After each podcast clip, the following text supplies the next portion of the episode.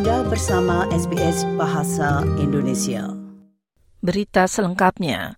Pasar swalayan raksasa Aldi bergabung dengan Woolworth untuk memboikot penjualan barang-barang peringatan Hari Australia atau yang biasa dikenal Australia Day menjelang hari libur nasional tersebut. Aldi tidak akan menjual produk yang bertemakan Australia Day seperti sandal jepit dan bendera menjelang tanggal 26 Januari. Tindakan tersebut diambil setelah pemimpin oposisi Peter Dutton meminta para konsumen untuk memboikot Woolworth atas kebijakannya yang tidak akan menjual produk-produk souvenir Australia Day. Pemerintah federal menuduh Dutton menimbulkan peperangan budaya. Opini masyarakat terpecah. Salah seorang warga Melbourne berbicara kepada Channel 9 ia mendukung keputusan tersebut dengan alasan perlindungan lingkungan dengan mengurangi produk plastik. Oh, look, we've got bigger things to worry about than that. But um, I think it's a good thing. I think there's so much plastics and um, waste in the world at the moment. We really don't need it.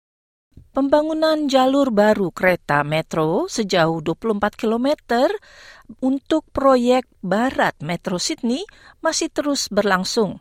Dua mesin pengebor terowongan mempersiapkan untuk memulai pekerjaan mereka dalam beberapa minggu ke depan dengan pengeboran dari stasiun Five Dock Metro ke stasiun Burwood Utara. Ratusan bagian beton terowongan telah dikirimkan ke daerah stasiun metro The Base, siap untuk dipasang dengan mesin di kedalaman 90 meter di barat Sydney.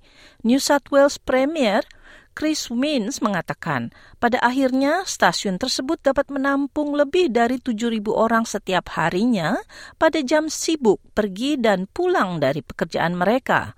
Ia mengatakan Sydney harus beradaptasi dan mengembangkan perumahan sepanjang daerah industri seperti kota-kota besar lainnya di dunia. Much of this is common sense and it can happen side by side a working harbour. What that does mean is that if you do buy into a precinct like the Bays, you have to accept a level of industrial noise, you have to accept activity, you have to accept a larger number of people and more uh, less bucolic, if you like, existence than you would if you bought a property in Camden or Narellan. But that's the trade off people and consumers are going to have to make. Gedung Putih membela Israel setelah Afrika Selatan menuduh Israel melakukan genosida dalam sidang dunia di PBB. Tuduhan Afrika Selatan terhadap Israel tersebut berdasarkan atas pembunuhan lebih dari 23 ribu warga Palestina, termasuk 10 ribu anak-anak, dan menekankan pemblokiran bantuan kemanusiaan dan kesehatan, perusakan perumahan, serta pengusiran dan penghilangan tempat tinggal bagi warga Palestina di Gaza. Israel membantah semua tuduhan tersebut dan berbicara dalam briefing Gedung Putih, juru bicara Dewan Keamanan Nasional John Kirby menyatakan pembelaannya terhadap tindakan Israel. Uh, we have said repeatedly that we believe um, these uh, allegations, this case is unfounded, uh, and that there's no basis for um, accusations of, of genocide against against Israel. That's not a word that ought to be thrown around lightly, and we certainly don't believe that it applies here. Inggris dan Amerika Serikat menyerang pemberontak Houthi setelah kelompok yang didukung oleh Iran ini menyerang kapal di Laut Merah. Media Amerika melaporkan serangan tersebut melibatkan pesawat tempur jet dan rudal Tomahawk seperti yang dilaporkan oleh para saksi yang menyerang kota-kota di Yemen.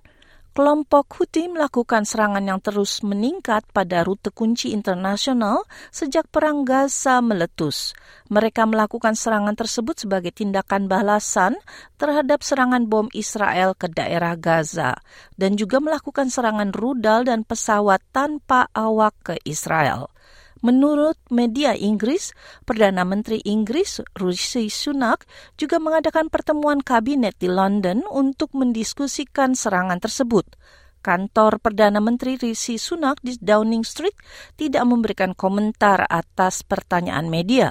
Pentagon serta Gedung Putih juga menolak berkomentar seperti yang dilaporkan oleh The Times hari ini.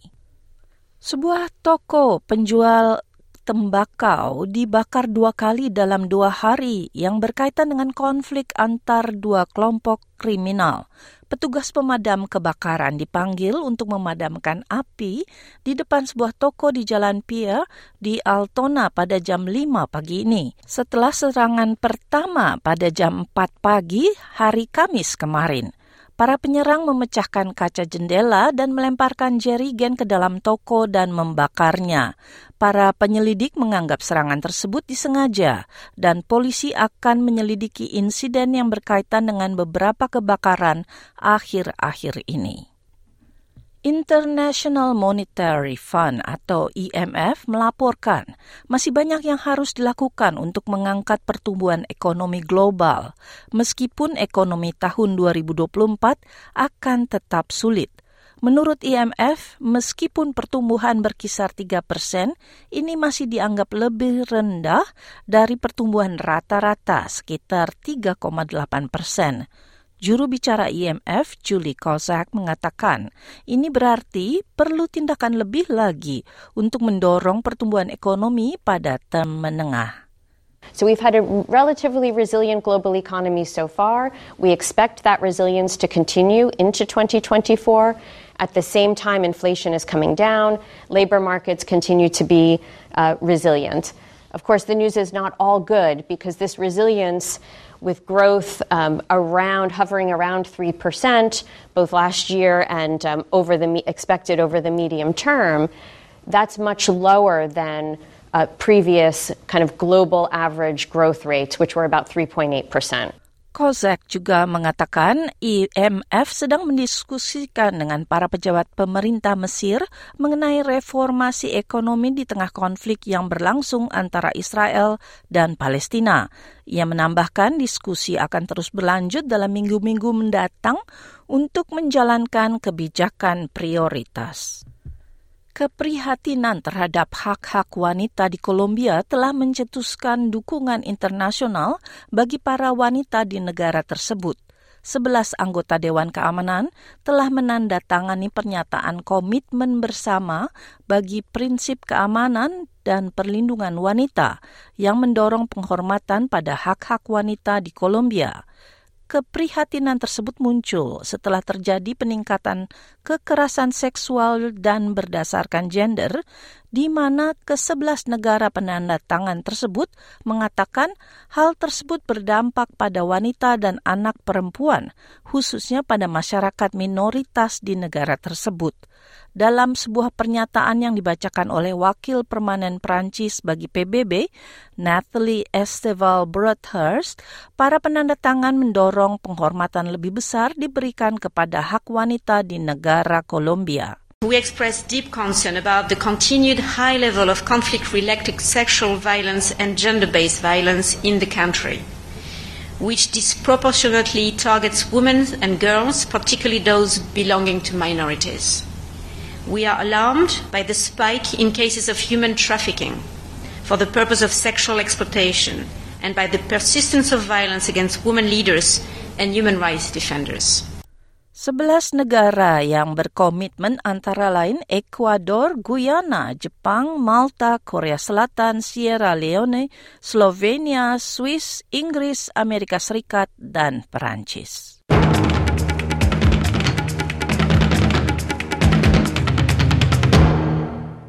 Baiklah, kita beralih ke bidang olahraga. Barcelona mengalahkan Osasuna dengan 2-1 yang menempatkan mereka dalam pertandingan kembali dengan Real Madrid dari pertandingan Super Cup di Arab Saudi tahun lalu. Dua gol tersebut diciptakan oleh Robert Lewandowski dan ya Lamine Yamal yang tahun lalu menangkan piala mereka dengan pelatih Xavi Hernandez tanpa Lionel Messi. Madrid berhasil mencapai final dengan mengalahkan lawannya Atletico Madrid dengan skor 5-3 hari Rabu lalu. Sementara itu Barcelona berhasil masuk Super Cup setelah berhasil menjadi juara Liga Spanish tahun lalu. Osasuna berhasil juga masuk dalam babak final dengan mengalahkan Copa del Rey di mana mereka kalah melawan Madrid. Barcelona mengalahkan Madrid 3-1 merebut posisi juara musim pertandingan lalu. Klub Katalan ini menyambut kemenangan tahun ini setelah mengalami tekanan dari beberapa permainan yang kurang sempurna. Baiklah, akan saya bacakan nilai tukar mata uang asing hari ini. Satu dolar Australia terhadap dolar Amerika sebesar 0,67 sen, terhadap rupiah sebesar 10.439,92 sen, terhadap euro 61 sen, dan terhadap pound sterling 52 sen. Dan berikut ini akan saya bacakan perakiran cuaca besok hari Sabtu di kota-kota besar Australia. Perth panas 39 derajat Celcius, Adelaide berawan 32, Melbourne juga berawan 22, Hobart juga berawan 22, Canberra hujan disertai angin keras 29, Wollongong sebagian besar cerah 28, Sydney berawan sebagian 28, Newcastle hujan disertai angin di beberapa lokasi 28, Brisbane juga hujan 28, Cairns hujan 29, dan akhirnya Darwin hujan disertai angin kencang 29 derajat Celcius.